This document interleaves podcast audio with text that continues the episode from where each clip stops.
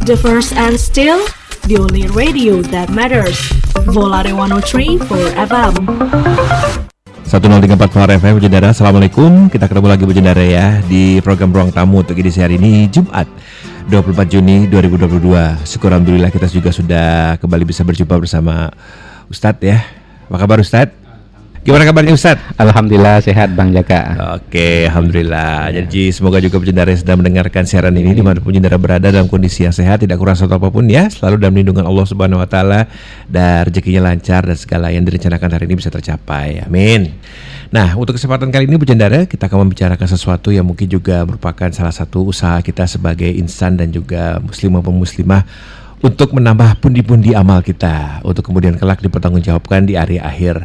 Nah, kita juga sudah mengenal ada kewajiban kita sebagai muslim dan muslimah yang sudah ditetapkan oleh Allah Subhanahu wa taala melalui firman-Nya di Al-Qur'an juga hadis ya, Ustadz ya. Ya, betul. Tapi kita juga harus mengingat uh, di balik kewajiban-kewajiban tersebut juga ada hal-hal sunnah yang bisa membantu kita Iya. untuk menjadi muslim dan muslimah yang lebih baik. Iya. Gitu. Bismillahirrahmanirrahim. Assalamualaikum warahmatullahi wabarakatuh. Alhamdulillah Allahumma shalli Allahumma shalli Muhammad wa ali Muhammad. Pada pagi hari ini eh, kita akan menyampaikan sunnah-sunnah yang utama di mana sunnah-sunnah yang utama itu bujang darah kalau kita lihat dalam hadis Tabrani bahwa orang yang berpegangan kepada sunnahku pada saat umatku dilanda kerusakan maka pahalanya seperti seorang syahid. Oke. Nah, jadi intinya Bujang Dara kalau kita melakukan sunnah-sunnah Nabi sebagai bentuk cinta kita kepada Nabi dan sebagai bentuk konsekuensi kita mengucapkan dua kalimat syahadat asyhadu an la ilaha illallah wa asyhadu anna muhammad rasulullah wa asyhadu anna muhammad rasulullah itu adalah sebuah bentuk persaksian kita dan bukti bakti kita adalah selain pengakuan bentuk lisan dan hati juga harus kita buktikan dalam bentuk perbuatan yaitu melaksanakan sunnah-sunnah yang utama Hmm.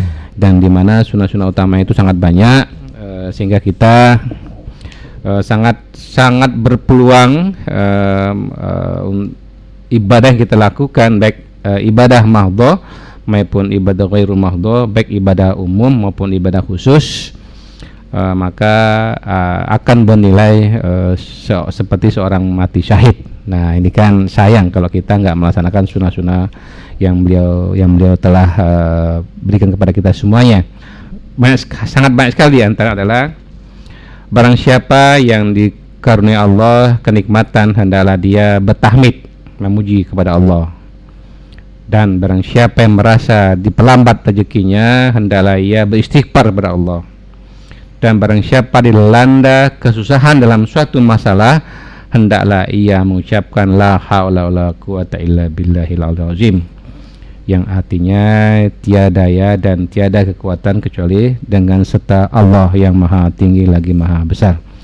Nah, hadis ini dia oleh Al-Baihaqi dan Ar-Rabi'i. Jadi bujang rahmati Allah, sunnah yang beliau sampaikan kepada kita adalah jika kita diberi segala macam nikmat yang Allah beri kepada kita, maka kita eh, sunnahnya adalah kita diminta untuk bertahmid memuji Allah. Ya. Apa bentuknya? Ya minimal alhamdulillah. Ya, Ya. sesederhana itu ya. Ya sederhana itu Alhamdulillah Alamin Eh, Baik nikmat itu besar maupun yang menurut kita mungkin agak ringan eh, Maka kita mengucapkan Alhamdulillah Seperti kita bisa bernapas, bisa buang angin, di- bisa bisa bisa buang air besar dan segala macam bentuk nikmat nikmat yang lain maka tentu kita jangan lupa mengucapkan alhamdulillah alhamdulillah kemudian jika kita juga eh, berusaha eh, mungkin ada di antara kita juga dan mungkin kita sendiri juga eh, merasa rezeki kita agak agak lamban gitu ya eh, agak sulit agak agak, agak bahasa kita agak seret ya eh, mungkin maka eh, sunnahnya maka kita di- diminta untuk memperbanyak istighfar Hmm. Nah, Oke. apa istighfar itu adalah sebuah bentuk eh, kealpaan, kelalaian atau kesalahan Hilaf lah ya. hil hilap kita dalam rangka mungkin melaksanakan apa segala macam bentuk aktivitas baik ibadah mahdhah eh, seperti apa sholat ya, atau sholat, sholat yang lainnya atau ibadah-ibadah khusus yang lainnya atau ibadah ghairu mahdhah yang sifatnya aktivitas duniawi Nah, tentu jika kita mungkin rezeki kita mungkin lamban, kenapa lamban? Mungkin kita manajemen nggak bagus, maka uh, selain kita memperbaiki manajemen kita, maka kita disunahkan untuk beristighfar. Oke. Nah, dan jadi istighfar sangat sederhana sekali. Kita cukup minta astagfirullah, astagfirullahalazim atau lengkapi seperti itu. Astagfirullahalazim, allazi la ilahul hayyul qayyum wa dan seterusnya atau minimal astagfirullah, astagfirullah. Makanya setiap habis sholat minimal kita membaca istighfar. Nah, istighfar astagfirullah, astagfirullah, astagfirullah kemudian kabur. Kabur atau ke mana gitu ya. Nah, jadi minimal gitu Nah kemudian uh, barang siapa yang dilanda kesusahan ya Allah katakan kepada kita kesusahan dari dari berbagai macam masalah yang kita hadapi dan tentu setiap manusia tidak akan mungkin pernah luput dari uh, segala macam bentuk kesusahan ya. Baik susah mengolah rezeki yang banyak hmm. maupun susah uh, sulit untuk mendapatkan rezeki atau susah menghadapi menghadapi problem yang banyak di antara kita. Nah tentu kita uh, disunahkan untuk mengucapkan la haula wala quwata illa billahil aliyil azim. Dan seterusnya dan seterusnya. Dan lafaz-lafaz lafaz-lafaz lafaz thayyibah ini ya, merupakan lafaz sunnah yang langsung diriwayatkan Nabi yaitu Al-Baihaqi uh, dan Ar-Rabi'i. Jadi yang rahmat Allah uh, maka uh, apa setiap kita mendapatkan apa namanya kesulitan ya kita rezeki seret atau ada problem lain maka kita di, apa disunahkan untuk membaca apa namanya istighfar atau e, jika ada masalah yang sangat berat yang kita hadapi sangat susah gitu ya e, sangat problem yang sangat mungkin sangat sulit sekali maka e, kita disunahkan untuk e, kembali mengucapkan la haula la quwata illa billah dan seterusnya.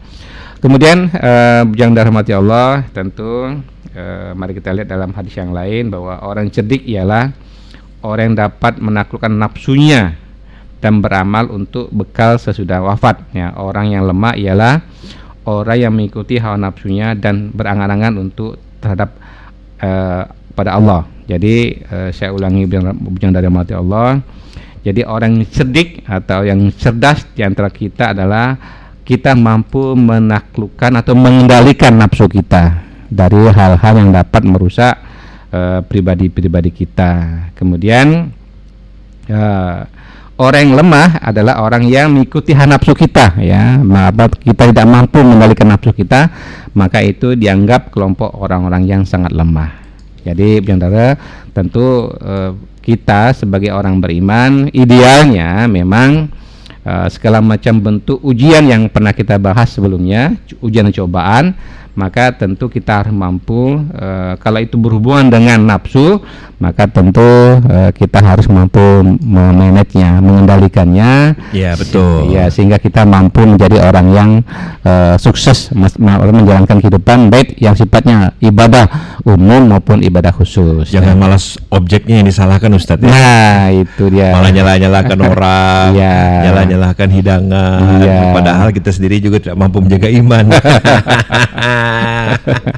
ya, e, memang setiap aktivitas kita bidang, bidang darah, eh, Bang Jaka ya semuanya e, selalu dihadapkan dengan apa hal-hal e, yang di mana pun kita berada pasti ada hal-hal yang apa yang sifatnya negatif. Maka yang sifat negatif itulah kita di, kita dituntut untuk mampu mengendalikan. Nah, hmm. contohnya kalau kita pergi kondangan gitu ya. Uh, ketika pergi kondangan uh, Uh, kita kita bisa menikmati suasana yang sangat indah, sangat sangat nikmat.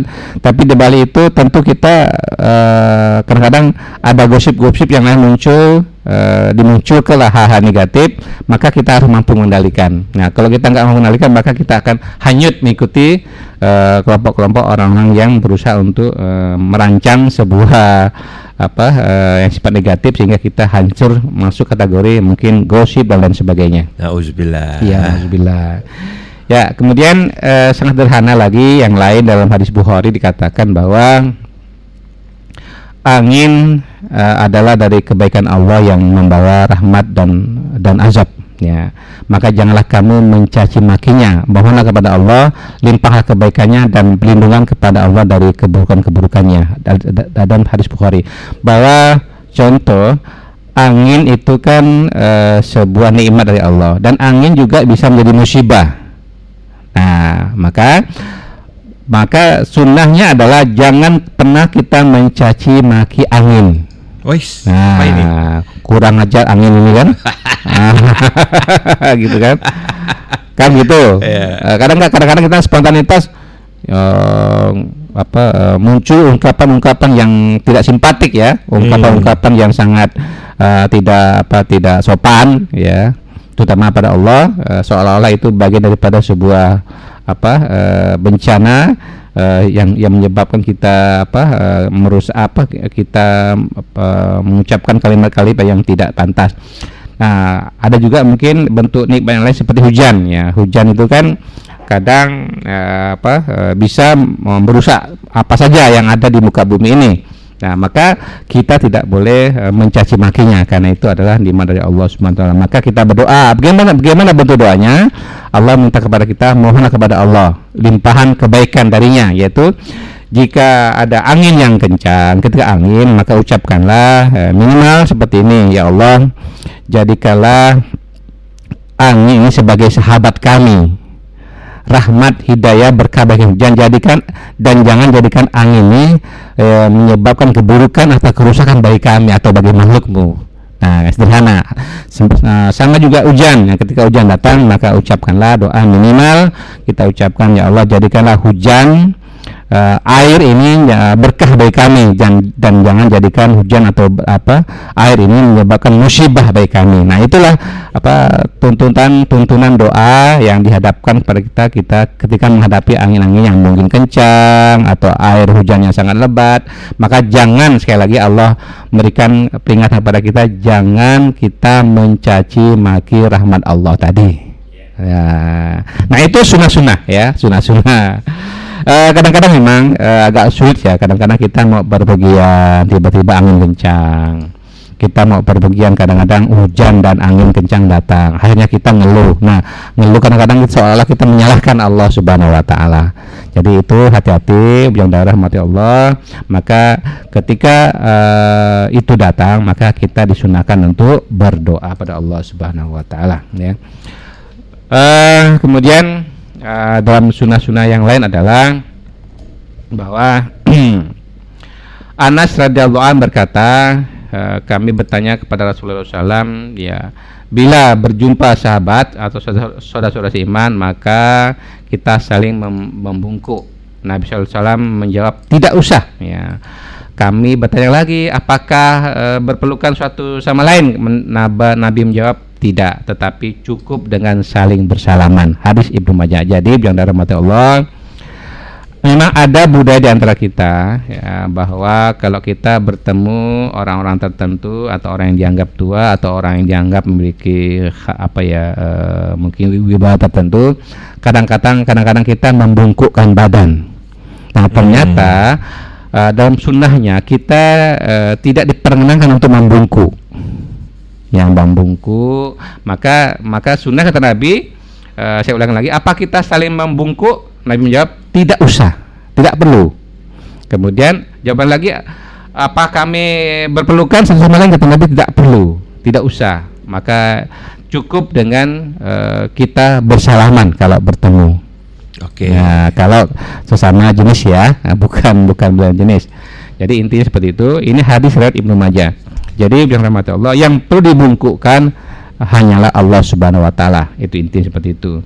Eh, memang eh, apa ya budaya-budaya tertentu agak sulit ya untuk apa untuk bisa apa untuk bisa berubah tapi mungkin butuh waktu yang cukup dalam rangka untuk apa untuk bisa eh, sesuai dengan melaksanakan sunnah-sunnah Nabi. Nah, kita melaksanakan sunnah Nabi, bertemu kita salaman ya, bertemu dengan siapa baik orang lama atau orang baru maupun lama tak berjumpa, maka kita hanya disunahkan untuk berjabatan tangan saja. Nah, karena dalam jabatan tangan itu kan Nabi dikatakan bahwa seseorang yang bertemu kemudian berjabat berjabat tangan dan maka eh, selama dia berjabat tangan Tuhan maka Allah akan mengampuni menggugurkan dosa-dosanya terutama dosa-dosa kecil jadi itu bicara mati Allah eh, sangat istimewa sekali kalau kita merasakan sunnah-sunnah Nabi Kemudian eh, juga eh, Rasulullah SAW melarang kami menggunakan pakaian uh, dari sutra memakai cincin emas dan minum dengan tempat yang biasa dipakai untuk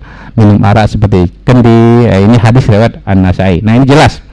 Jadi dalam sunnah dan fikih juga disebutkan bahwa bagi seorang laki-laki memang dilarang menggunakan pakaian sutra, uh, emas, uh, cincin emas atau tempat-tempat minuman yang yang biasa dipakai untuk buat minum arak dan sebagainya. Itu hadis lewat An-Nasa'i. Jadi dirahmati Allah uh, bahwa laki-laki boleh menggunakan sutra kalau terkena penyakit tertentu seperti penyakit gatal dalam hadis Nabi. Tapi jika tidak uh, dia dalam keadaan sehat seperti kita ini, maka uh, sunnah bagi laki-laki adalah tidak menggunakan pakaian sutra atau tidak menggunakan segala macam bentuk uh, yang yang uh, yang terbahan dari emas seperti cincin emas, kalung emas dan lain sebagainya. Itu sunnah-sunnah yang utama Uh, makanya kita kita bisa lihat uh, para para ahli-ahli sunnah pada ahli-ahli yang melaksanakan uh, syari Islam itu uh, para alim ulama kita bisa lihat mereka tidak menggunakan uh, cincin atau kalung yang terbuat dari emas atau perak. Karena memang dalam dalam sunnahnya ya dalam sunnahnya memang kita tidak uh, tidak diperkenankan untuk melaksanakan itu. Uh, rahmat Allah jadi uh, bahwa uh, dalam contoh yang lain buat dikatakan bahwa Allah uh, tidak menyukai uh, pria yang bersuara keras atau tinggi, tetapi Allah suka kepada seorang yang bersuara lembut. Hadis Al Baihaqi. Jadi bujang darah mata Allah ini maksudnya adalah ketika kita sedang ya sedang menyampaikan suatu ketika kita sedang berdialog, ketika sedang kita berbicara atau bercanda, maka sunnahnya ya sunnahnya adalah kita tidak meninggikan uh, kita tidak meninggikan suara kita uh, sangat keras ya sangat keras. Kenapa? Karena suara keras ini maksudnya adalah mungkin Uh, kita uh, mungkin uh, maksudnya adalah ketika kita sedang berbicara mungkin kita sedang apa merendahkan orang lain ya atau kita sedang uh, seolah-olah kita merasa marah ya. ya nah, betul, itu maksudnya seperti itu ya. Hmm. Nah, tapi kalau memang memang seseorang memiliki tipologi memang suaranya suaranya memang keras, suaranya memang tinggi, itu bukan bukan itu maksudnya. Jadi maksud adalah seseorang berbicara uh, dengan nada-nada tertentu menunjukkan suatu mungkin eh, hal-hal uh, yang negatif ya, itu maksudnya. Jadi bukan berarti uh, seseorang yang memiliki suara nada memang uh, memang tinggi kan memang tipologi seorang itu memiliki suara yang berbeda-beda. Ya, ada yang ada yang lembut ya, ada yang uh, agak memang sangat tinggi, ada yang keras, memang memang budaya seperti itu. Nah, tapi yang maksudnya adalah uh, ketika kita menyampaikan suatu, ketika kita berbicara, berdialog, ya maka uh, selayaknya kita menyampaikannya dengan uh, kelembutan ya bukan nada-nada yang sangat tinggi nah uh, itu sunnah-sunnahnya uh, kemudian sunnah yang lain bahwa dikatakan bahwa dalam hadis muslim ini sesungguhnya Allah Ta'ala indah dan suka kepada keindahan. Dan Allah suka melihat tanda-tanda kenikmatannya pada diri hambanya. Ya membenci kemel apa membenci kemelatan dan berlagak melarat. Hadis muslim. Nah jadi intinya di sini bujang darah Allah. Jadi memang intinya Allah suka kepada keindahan maka kalau kita memiliki uh, rezeki maka belilah ya belilah atau manfaatkan nikmat Allah itu untuk memperindah diri kita. Ya kalau kita punya uang ya belilah mobil ya. Karena mobil itu atau kendaraan roda empat dalam rangka untuk memudahkan urusan-urusan kita urusan keluarga dan segala macam. Belilah mobil yang indah kemudian belilah pakaian-pakaian yang indah. Kemudian atau belilah bentuk-bentuk perlengkapan perlengkapan e, diri kita masing-masing dalam rangka untuk memperindah atau mempercantik. Nah itu dimaksudkan supaya kelihatan indah. Ya bukan kelihatan uh, seperti maaf uh, seperti orgil seperti orang tak punya atau seperti kesan kuno maka Allah nggak suka seperti itu. Terkecuali apabila memang orang tentu memang dalam keadaan tidak mampu ya kondisi yang berbeda ya. Tentu e, bagi mereka yang tak mampu tentu mereka harus mampu mengkondisikan mem, apa mengkondisikan dirinya dalam rangka minimal rapi ya. Bersih dan rapi. Nah bersih dan rapi atau indah dilihat itu merupakan sedekah. Jadi dirahmati Allah makanya uh, mari uh, ada tata cara uh, contohnya adalah tata cara berpakaian sesuai dengan uh, tipologi atau sesuai dengan bentuk usia atau sesuai dengan model-model seusia uh, yang ada pada kita masing-masing. Nah, kalau seorang remaja, ya orang remaja mungkin pakaian mahkotanya, ya pakaian mahkota adalah mungkin kaos, ya atau pakaian-pakaian tertentu yang mungkin lagi gaul. Nah, itu kan bentuk-bentuk keindahan dan Allah suka yang seperti itu. Kemudian bagi orang tua mungkin uh, pakaian mahkotanya, pakaian keindahan adalah mungkin baju koko ya, gitu ya, kan. Ya, ya. Kan gitu. Nah, mungkin orang tertentu mungkin pakaian keindahannya Uh, mungkin batik kan gitu ya. Jadi tentu selera kita sesuaikan dengan kemampuan kita. Tapi semua yang kita bungkus ya baik uh, sifatnya uh, penampilan uh, diri kita maupun penampilan eksternal kita seperti mungkin kendaraan kita, sepeda kita, motor kita, mobil kita atau lain-lain sebagainya, maka uh, niat kelas yang apa kita lengkapi itu semua dalam rangka untuk mem memperindah Allah suka kepada kita. Itu dan dikatakan uh, sudah sunnah yang utama. Jadi bukan memang ada ada kelompok-kelompok tertentu yang mengamalkan uh, sunnah-sunnah itu dalam rangka untuk uh, hidup sederhana. Nah itu dibolehkan. Tapi jangan lupa hidup, hidup sederhana tetap indah. Hmm. Nah, seimbang, seperti seimbang ya. Seimbang. Contohnya Nabi Muhammad SAW. Nabi Muhammad SAW itu kan uh, orang yang sukses ya dalam bidang ekonomi ya, dalam bidang perjuangan, pemimpin, imam ya, keluarga sukses. Tapi Nabi SAW memberikan contoh kesederhanaan. Walaupun dia mampu beli apa saja ya. Nah itu yang dimaksud dengan tetap mempertahankan keindahan walaupun kita uh, apa uh, tetap menjadi orang yang sangat sederhana. Jadi intinya yang dirahmati Allah uh, jangan merasa pamer ya. Nah, kita berpakaian seperti ini. Nah, ini dalam rangka uh, sesuai dengan dunia gaul saya berpenampilan menggunakan mobil ini dalam rangka mungkin tuntutan kerja ya saya berpenampilan uh, melaksanakan sebuah aktivitas dalam bentuk segala macam aksesoris yang indah itu dalam rangka untuk mendukung uh, dunia atau mitra kerja lain lainnya dan itu penting dalam rangka memberi kepercayaan pada orang lain nah itu yang dikatakan sebuah keindahan jadi jangan sampai kita mengkonotasikan bahwa indah itu identik dengan baju baju apa? Baju koko ya atau baju tako orang bilang. Ya. Ya. Kadang-kadang aneh juga ya. Uh, ke masjid baju koko, ke sawah pun baju koko, main bola pun baju koko gitu kan kan tak apa tak cocok gitu kan. Nah, tak cocok. Jadi intinya seperti itu. Jadi keindahan sesuai dengan uh, tuntunan tuntutan aktivitas kita. Uh, bujang darah mati Allah. Uh, mari kita lihat dalam bentuk yang lain bahwa uh, bersenda gurau lah ya, bersenda gurau lah dan bermain-main lah sesungguhnya aku tidak suka ke kalau terjadi kekerasan dan uh, dalam agamamu hadis lebih haki.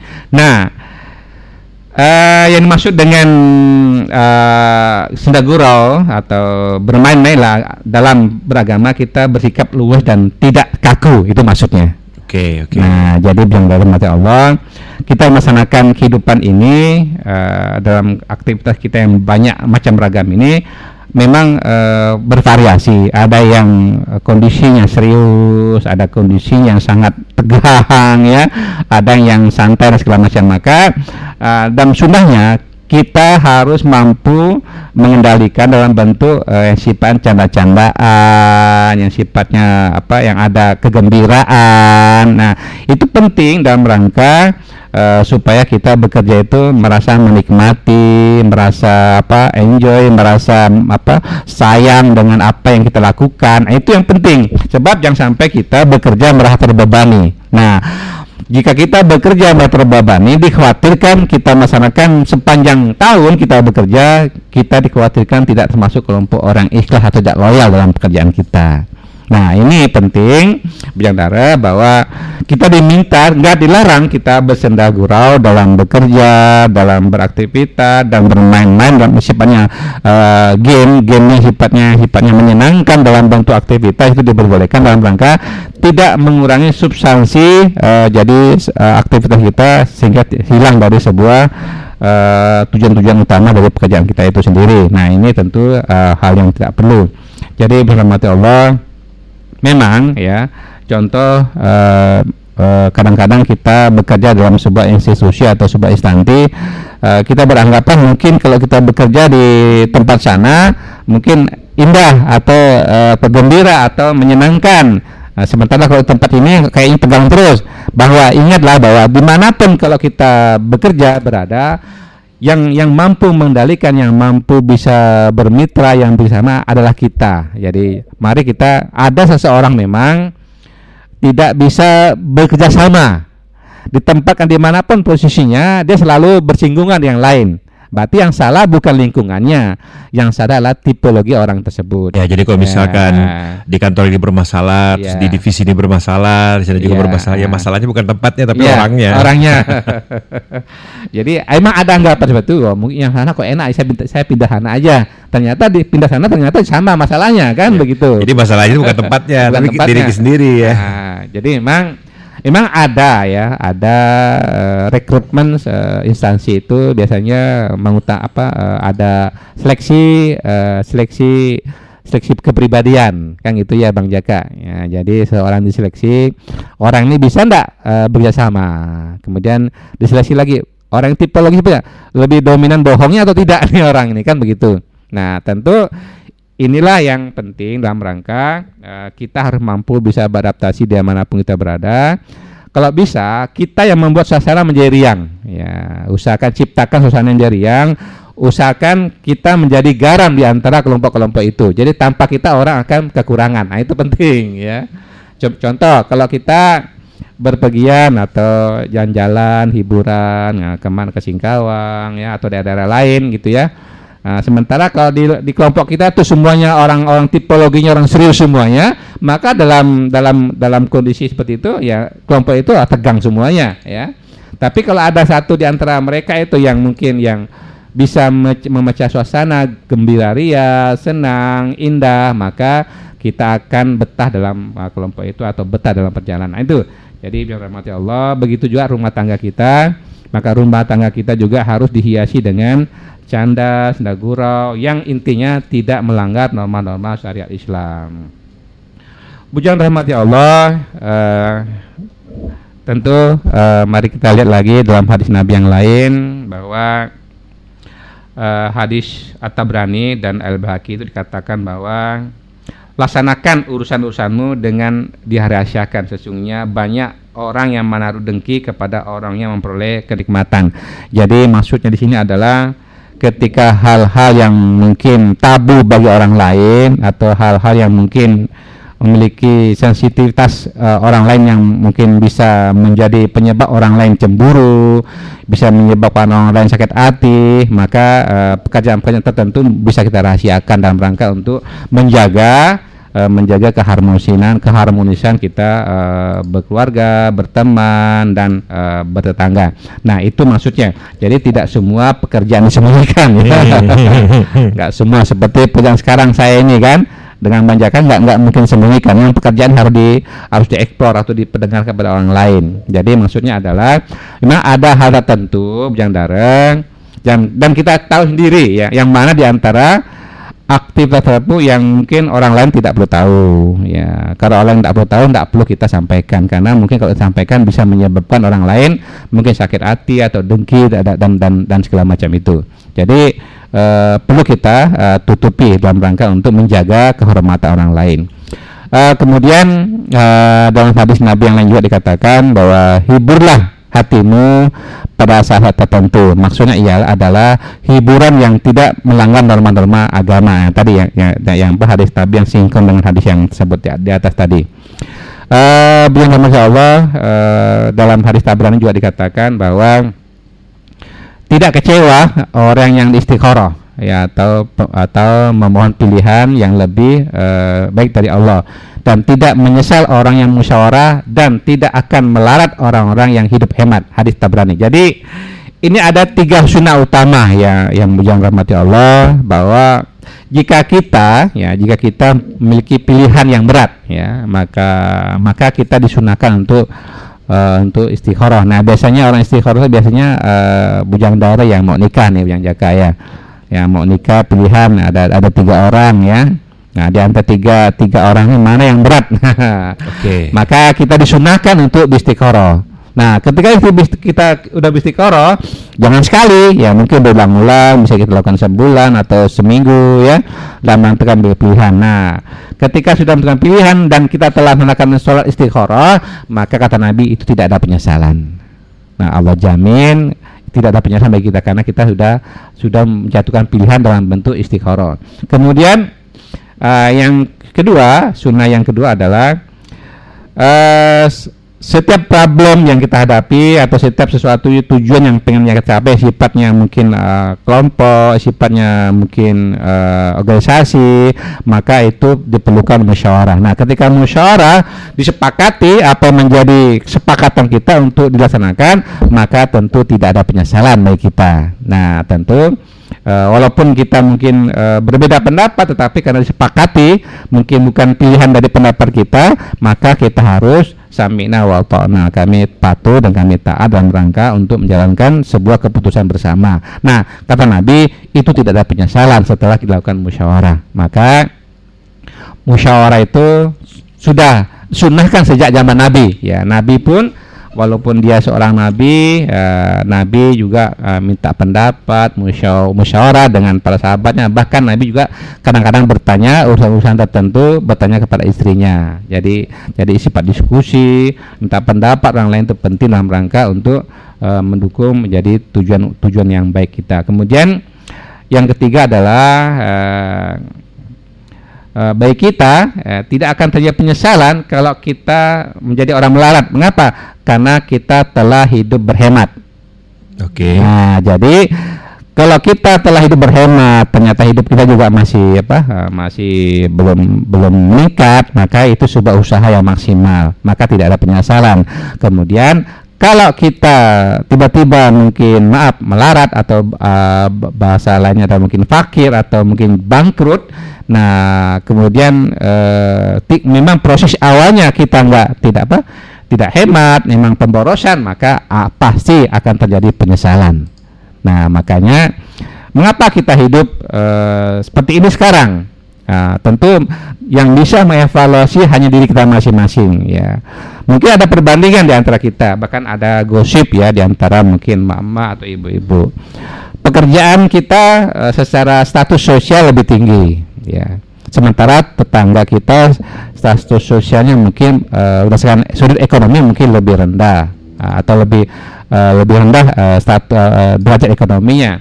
Tapi dah tertentu ternyata ada perbedaan. Ya Eh, istrinya, keluarganya, anak-anaknya, seluruh rumah tangga itu dia berhemat, Nah, berhemat hingga eh, kelihatan eh, beberapa, beberapa tahun kemudian. Sukses menjadi orang sukses. Nah, sementara kita dari awal mungkin status sosial kita sangat tinggi, udah bagus, tapi karena memang eh, kita tidak mampu mengelola, eh, mengelola kehematan itu dalam rangka untuk jangka panjang, maka eh, kita ternyata jauh lebih rendah status ekonominya dibanding sebelumnya. Pada awalnya kita sangat berbeda. Nah, itu maksudnya adalah tentu penyesalan eh, karena faktor dari kelalaian kita atau karena faktor dari kelemahan kita dalam rangka mengelola segala macam urusan kita, terutama dalam hal ekonomi. Kalau memang kita menjadi seorang yang barangkali dalam bidang ekonomi.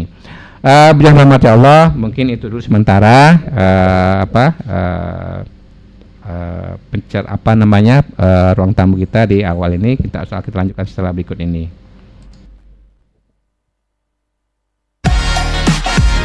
Ruang tamu di Radio Volare.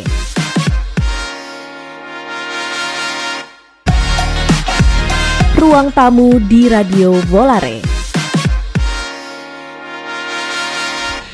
1034 Polar FM Jendera kembali lagi kita di ruang tamu bersama Ustadz Alias ya membahas tentang kegiatan dan juga perbuatan yang tergolong sebagai sebuah hal sunnah ya Ustadz ya, Ya, betul. sehingga bisa menjadikan kita individu yang lebih baik tentunya menambah pundi amalan kita.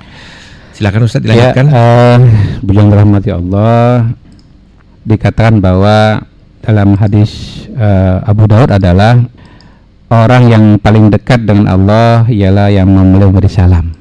Oke. Nah, jadi beliau dirahmati Allah sederhana sekali bahwa sebelum kita berbicara dengan orang lain ketika kita bertemu maka disunahkan kita memulai salam terlebih dahulu. Siapa pun kita siapa pun yang kita hadapi. Nah kalau kita nggak kenal uh, uh, agama orang tersebut maka nggak masalah kecuali kita udah tahu. Tentu ada status hukum yang berbeda kita kita mengucapkan salam ya. Cukup uh, cukup dengan dengan kata-kata tertentu dan ada dan ada juga kalimat tertentu cukup alaikum atau uh, uh, mungkin bahasa bahasa kita lah selamat pagi gitu ya. Iya betul betul. ya gitu. Nah uh, biasanya kita memang budaya kita uh, mungkin sudah menjadi kebiasaan kita. Biasanya kita kalau nggak kenal itu uh, tidak mau memberi salam terlebih dahulu. agak canggung ya, ada agak sungkan gitu ya. Tetapi dalam sunnahnya adalah uh, sebaik kita menyebarkan uh, memulai terlebih salam terlebih dahulu dan itu memang disunahkan dan penting dalam rangka uh, supaya kita saling menyayangi kata Nabi maka tebarkan dan ucapkanlah salam dan kemudian dalam hadis Nabi hadis Muslim juga dikatakan bahwa demi yang jiwaku dalam genggamannya kamu tidak dapat masuk surga kecuali uh, harus uh, beriman dan tidak beriman kecuali harus saling menyayangi. Nah, Nabi bertanya, ya, maukah aku tunjukkan sesuatu bila kamu lakukan, bisa kamu saling berkait sayang, sebarkanlah salam dan di antara kamu. Nah, jadi supaya kita uh, saling menyayangi satu sama lain, maka tebarkan salam dan mengucapkan salam dan menjawab salam kepada saudara-saudara kita. Saya tertarik dengan ada sinetron ya, sinetron Eh, memang dalam posisi apa pun uh, mungkin sutradaranya menyeting bahwa harus mengucapkan salam dan menjawab salam. Oke. Okay, ya. Jadi ada pelajaran dari sinetron itu bahwa kalau orang dalam keadaan marah sekalipun maka sebelum dia berbicara atau mengakhiri dari sebuah pembicaraannya maka ucapkan salam terlebih dahulu. Mereka tegur. Ya, kenapa enggak ucap salam terlebih dahulu? Nah, jadi ada sebuah pelajaran agama yang menilai yang menilai pendidikan maka perlu kita contoh bahwa e, kalau kita dengan bicara e, kepada seorang kadang-kadang orang kan langsung ngajak bicara itu ya betul nah, betul. maka kita tegur sebaiknya kita mengucapkan salam terlebih dahulu assalamualaikum. Nah baru dia kita mulai memang sunnahnya adalah ada sunnah nabi yang lain uh, memang ada perbedaan pendapat mengenai kualitas hadis ini bahwa kalimatnya kita e, dimakruhkan atau kurang baik jika kita e, ngajak bicara seorang sebelum dia memulai salam. Nah, memang sebaiknya sebelum kita memulai pembicaraan maka disunahkan bagi kita untuk terlebih dahulu mengucapkan salam dan menjawab salam karena kalimat salam itu adalah kalimat doa. Ya bayangkan assalamualaikum warahmatullahi wabarakatuh. Minimal assalamualaikum. Ya selamat sejahtera semoga kamu mendapat barokah. Luar biasa ada tiga doa di sana. Ada selamat sejahtera semoga-moga kita mendapat berkah. Dan sama juga waalaikumsalam warahmatullahi wabarakatuh. Begitu juga untuk kamu. Ya doanya agar sejahtera selamat dan berkah dari Allah subhanahu wa taala. Jadi kita saling mendoakan. Ya supaya kita saling menyayangi maka intinya adalah kita mengucapkan salam. Kemudian eh, janganlah kamu berbaring eh, sunnah yang lain adalah janganlah kamu berbaring dan meletakkan kaki yang satu di atas yang satu lagi hadis muslim. Nah, jadi gimana contohnya bilang darah? Nah, hmm, jadi bisa? kalau kita tidur atau berbaring jangan bersilang kaki. Uh, karena kalian bersilang kaki enak gitu ya. Uh, kaki kanan timpa kaki kiri gitu loh yang kita sedang bujur-bujuran itu bang bang Indra bang Jaka. Yeah. nah itu sunnahnya tidak baik. Ya hadis muslim walaupun boleh ya tapi sunnah tidak baik. Artinya kita sebaiknya tidak menghilangkan kaki kita ya.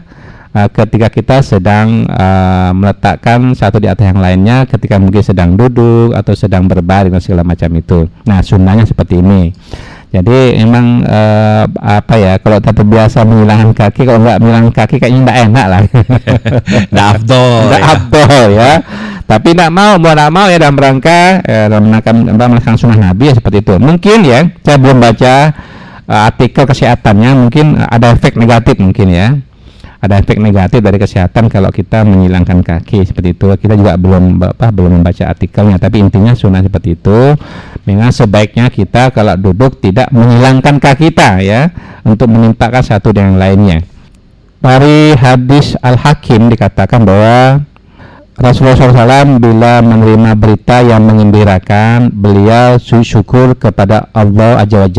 Nah, ini. Jadi disunahkan bagi kita biara kalau kita mendapat berita gembira atau mendapatkan kenikmatan atau kebahagiaan, maka disunahkan dalam hadis ini untuk sujud syukur. Ya. Nah, ternyata alhamdulillah sekarang saya bersyukur sekali ha, uh, sekarang uh, uh, kaulah muda kita kalau mendapat kenikmatan terutama pemain-pemain sepak bola kita itu ya kalau dapat kemenangan mereka langsung syukur Kan ngikut salah bang. ya Ngikut salah bang. Iya.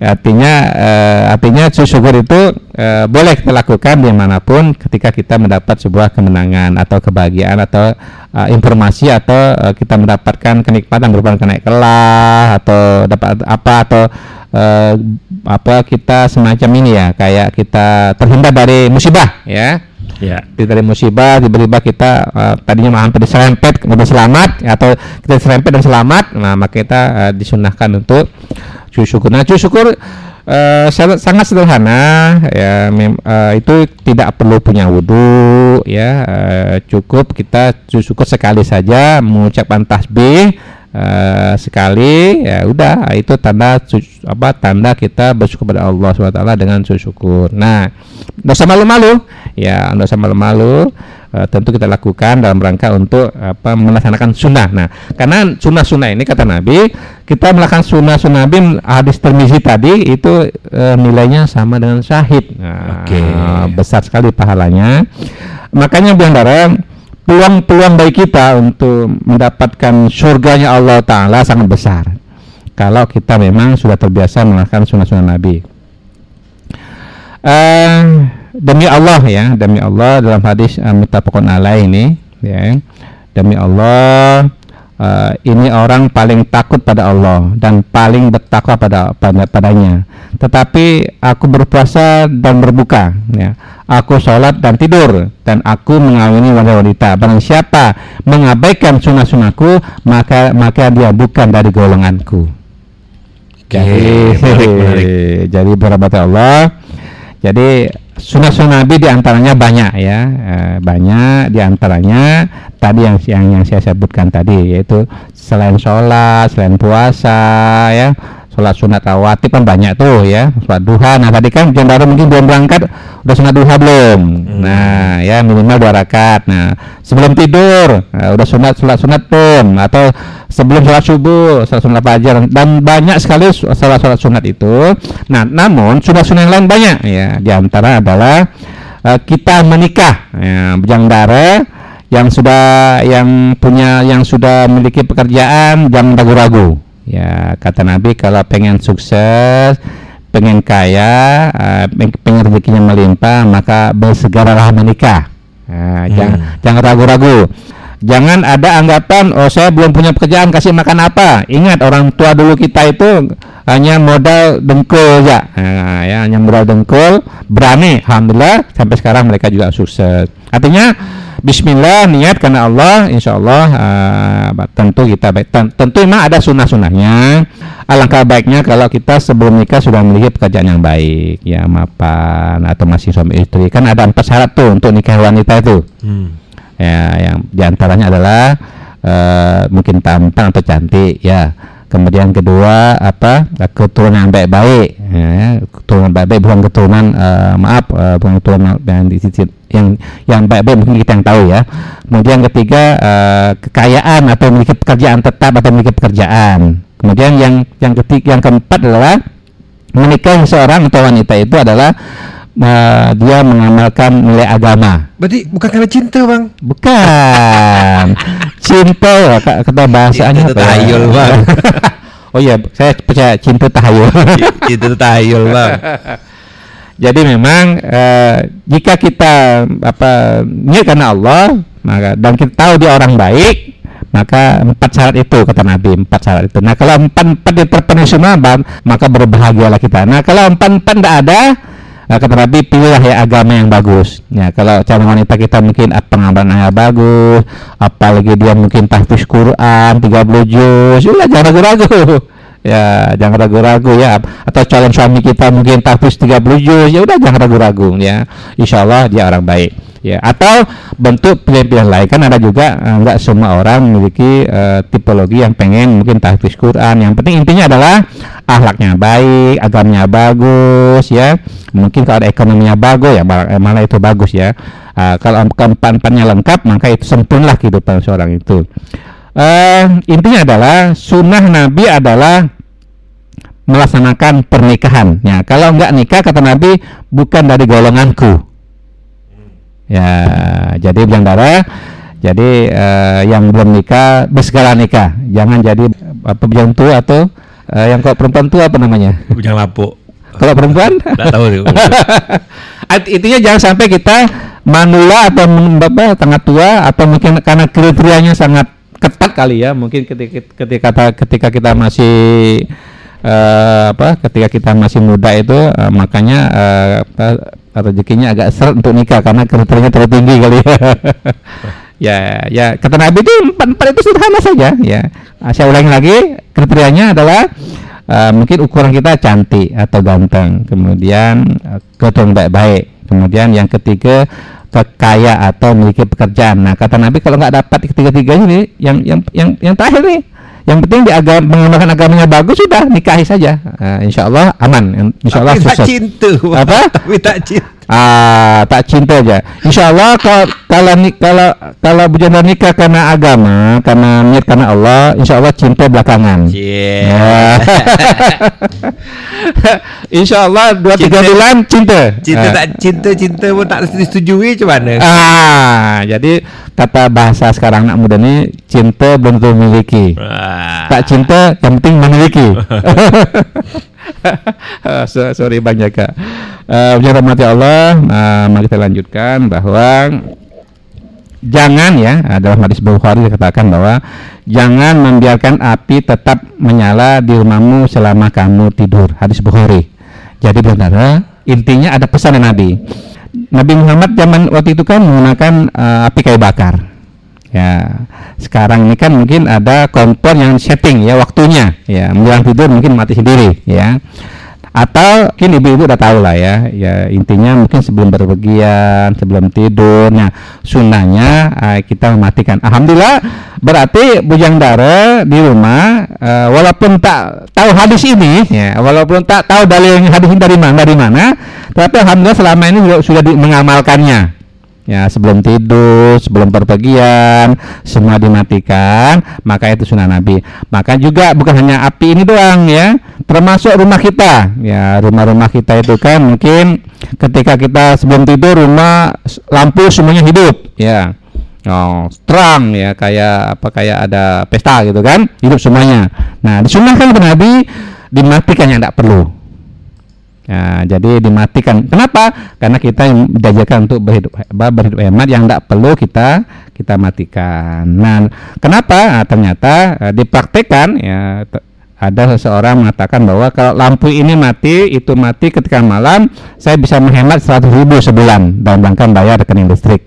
Nah, kan lumayan itu. Nah, karena kita melaksanakan sunnah-sunnah Nabi. Jadi alhamdulillah eh, bisa dipastikan bujang dara walaupun tak tahu hadis ini ternyata selama ini kita sudah melaksanakan sunnah-sunnah Nabi yang mudah-mudahan semuanya bernilai pahala dan bernilai seperti nilai syahid Oke, ya, hujan ya. darah. Ya. Eh, yang dirahmati Allah, eh, kita lanjutkan lagi bahwa eh, dalam hadis Nabi yang lain bahwa eh, sesungguhnya Rasulullah SAW melarang orang makan atau minum sambil berdiri hadis Muslim. Nah ini alhamdulillah kita sudah mengamalkan ini ya, ada mengamalkan ini sejak kecil. Kita orang-orang tua kita tidak menyebutkan hadisnya, tapi kita memang eh, sudah dibudayakan oleh orang-orang tua kita bahwa kalau minum itu. Ternyata juga ada dalam hadis Termi- Tirmizi yang lain, bahkan Syekh eh, Syekh almarhum siapa yang meninggal itu? Almarhum Syekh Al Jaber Ali Jaber. Ya Ali Jaber pernah mencontohkan minum berdiri. Ya ternyata hadisnya ada hadis Tirmizi. Ya jadi memang eh, ada dalam hadis muslim kenapa bertentangan bukan bertentangan ya hal-hal tertentu kita dibolehkan berdiri ya tidak selamanya harus ber berdiri jadi gitu biar rahmati Allah Eh, saya sampaikan insya Allah hadis muslim ini eh, menyatakan bahwa kita minum sebaiknya disunahkan sambil berdiri. Eh apa? Disunahkan untuk tidak uh, berdiri uh, termasuklah makan. Ya, jadi itu alhamdulillah ternyata dalam ilmu kesehatan pun uh, menjamin apa uh, sangat baik dalam rangka untuk menjaga kesehatan kita kalau kita sambil uh, makan itu duduk dan uh, apa minum juga uh, duduk. Nah, seperti itu. Kemudian uh, yang rahmati Allah uh, dalam hadis Nabi yang lain dikatakan juga uh, pakaian ya untukmu yang terbaik ialah berwarna putih maka pakaianlah dan pakailah dan juga uh, untuk menghafali mayit-mayit ya atau berani jadi memang Nabi sangat menyukai pakaian putih. Tetapi Nabi pernah mencontohkan tidak melarang ya, tidak melarang orang yang menggunakan uh, pakaian berwarna selain putih. Cuma ketika sholat emang ada sunnahnya uh, bahwa uh, ketika kita sholat jangan menggunakan pakaian-pakaian yang sangat norak yang sehingga mengganggu konsentrasi orang sedang sholat. Ya, contohnya bujang dara uh, yang bujang-bujang ini menggunakan pakaian yang apa yang ada tengkorak atau wanita cantik belakangnya. Nah, ketika orang sholat takbir Allah Akbar kelihatan tengkoraknya kan pada serem pada takutan itu kan. Nah, atau apa tidak mengganggu? Banyak tulisan-tulisan tak senono bisa. Ah, itu tak senono itu kan lah. Ya intinya bahwa sebaiknya pakaian yang di punggung kita itu itu apa yang tidak uh, tidak tidak uh, menimbulkan uh, gangguan konsentrasi orang yang sholat. Ya, kalau mau ikut sunnah Nabi ya warna polos atau berwarna putih. Nah, karena memang konsentrasi penting dalam rangka kerusuhan orang sholat. Uh, rahmati Allah. Jadi dalam pembahasan kali ini uh, mungkin sampai di sini dulu. Uh, walaupun masih banyak uh, sunnah-sunnah Nabi yang lain belum kita bahas mungkin hal-hal lain-lain kita akan lanjutkan. Okay. Saya kira itu dulu general yang dirahmati Allah, mudah-mudahan ada manfaatnya, sukses selalu dan sehat selalu. Uh, mari kita tutup dengan baca doa uh, kabar majelis subhanakallahumma bihamdika asyhadu illa anta astaghfiruka atubu wassalamualaikum warahmatullahi wabarakatuh oke terima kasih Ustadz ya sudah ya, menyempatkan hadir di studio dan juga buat Bujendara semoga apa yang sudah kita dengar bisa menambah kita untuk menjadi muslim dan muslimah yang lebih baik tentunya. Amin. Oke, insya Allah kita ketemu lagi minggu depan Ustaz ya. Insya Allah, insya Allah. Dan selamat beraktivitas dan tetap patuhi protokol kesehatan dan jaga undur diri dari ruang tamu. Sampai jumpa di lain kesempatan. Sekian wassalamualaikum. Shape your says.